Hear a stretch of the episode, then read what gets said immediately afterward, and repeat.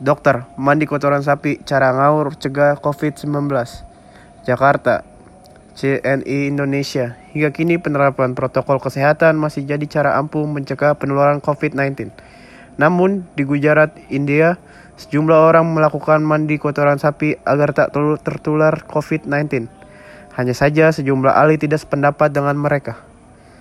Praktik pencegahan makin ngawur, ujar Erlang Saumaidro dokter spesialis paru melalui pesan singkat pada cnindonesia.com Selasa 11 Mei. Sapi dianggap hewan suci umat Hindu. Hewan ini sim jadi simbol kehidupan dan tanah. Selama berabad-abad kotoran sapi dimanfaatkan sebagai membersihkan rumah dan ritual sembahyang. Mereka meyakini kotoran sapi sebagai sarana terapi dan memiliki fungsi antiseptik. Terapi kotoran sapi disediakan oleh Sri Swamiraya Gurukul Viswaditya. Terus udah ya? Lima ya?